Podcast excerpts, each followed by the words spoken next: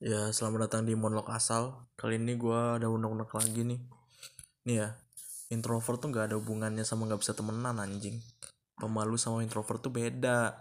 Tuh kalau misalnya nggak tahu artinya, nggak usah dipakai tai. Lagian introvert sama extrovert tuh cuma perbedaan dalam mengisi energi aja.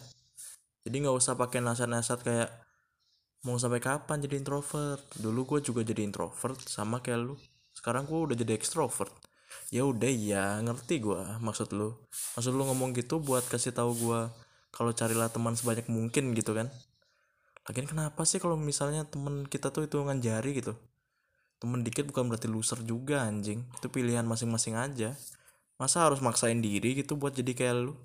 Gue ya gue ya lu ya lu. Nyamannya aja.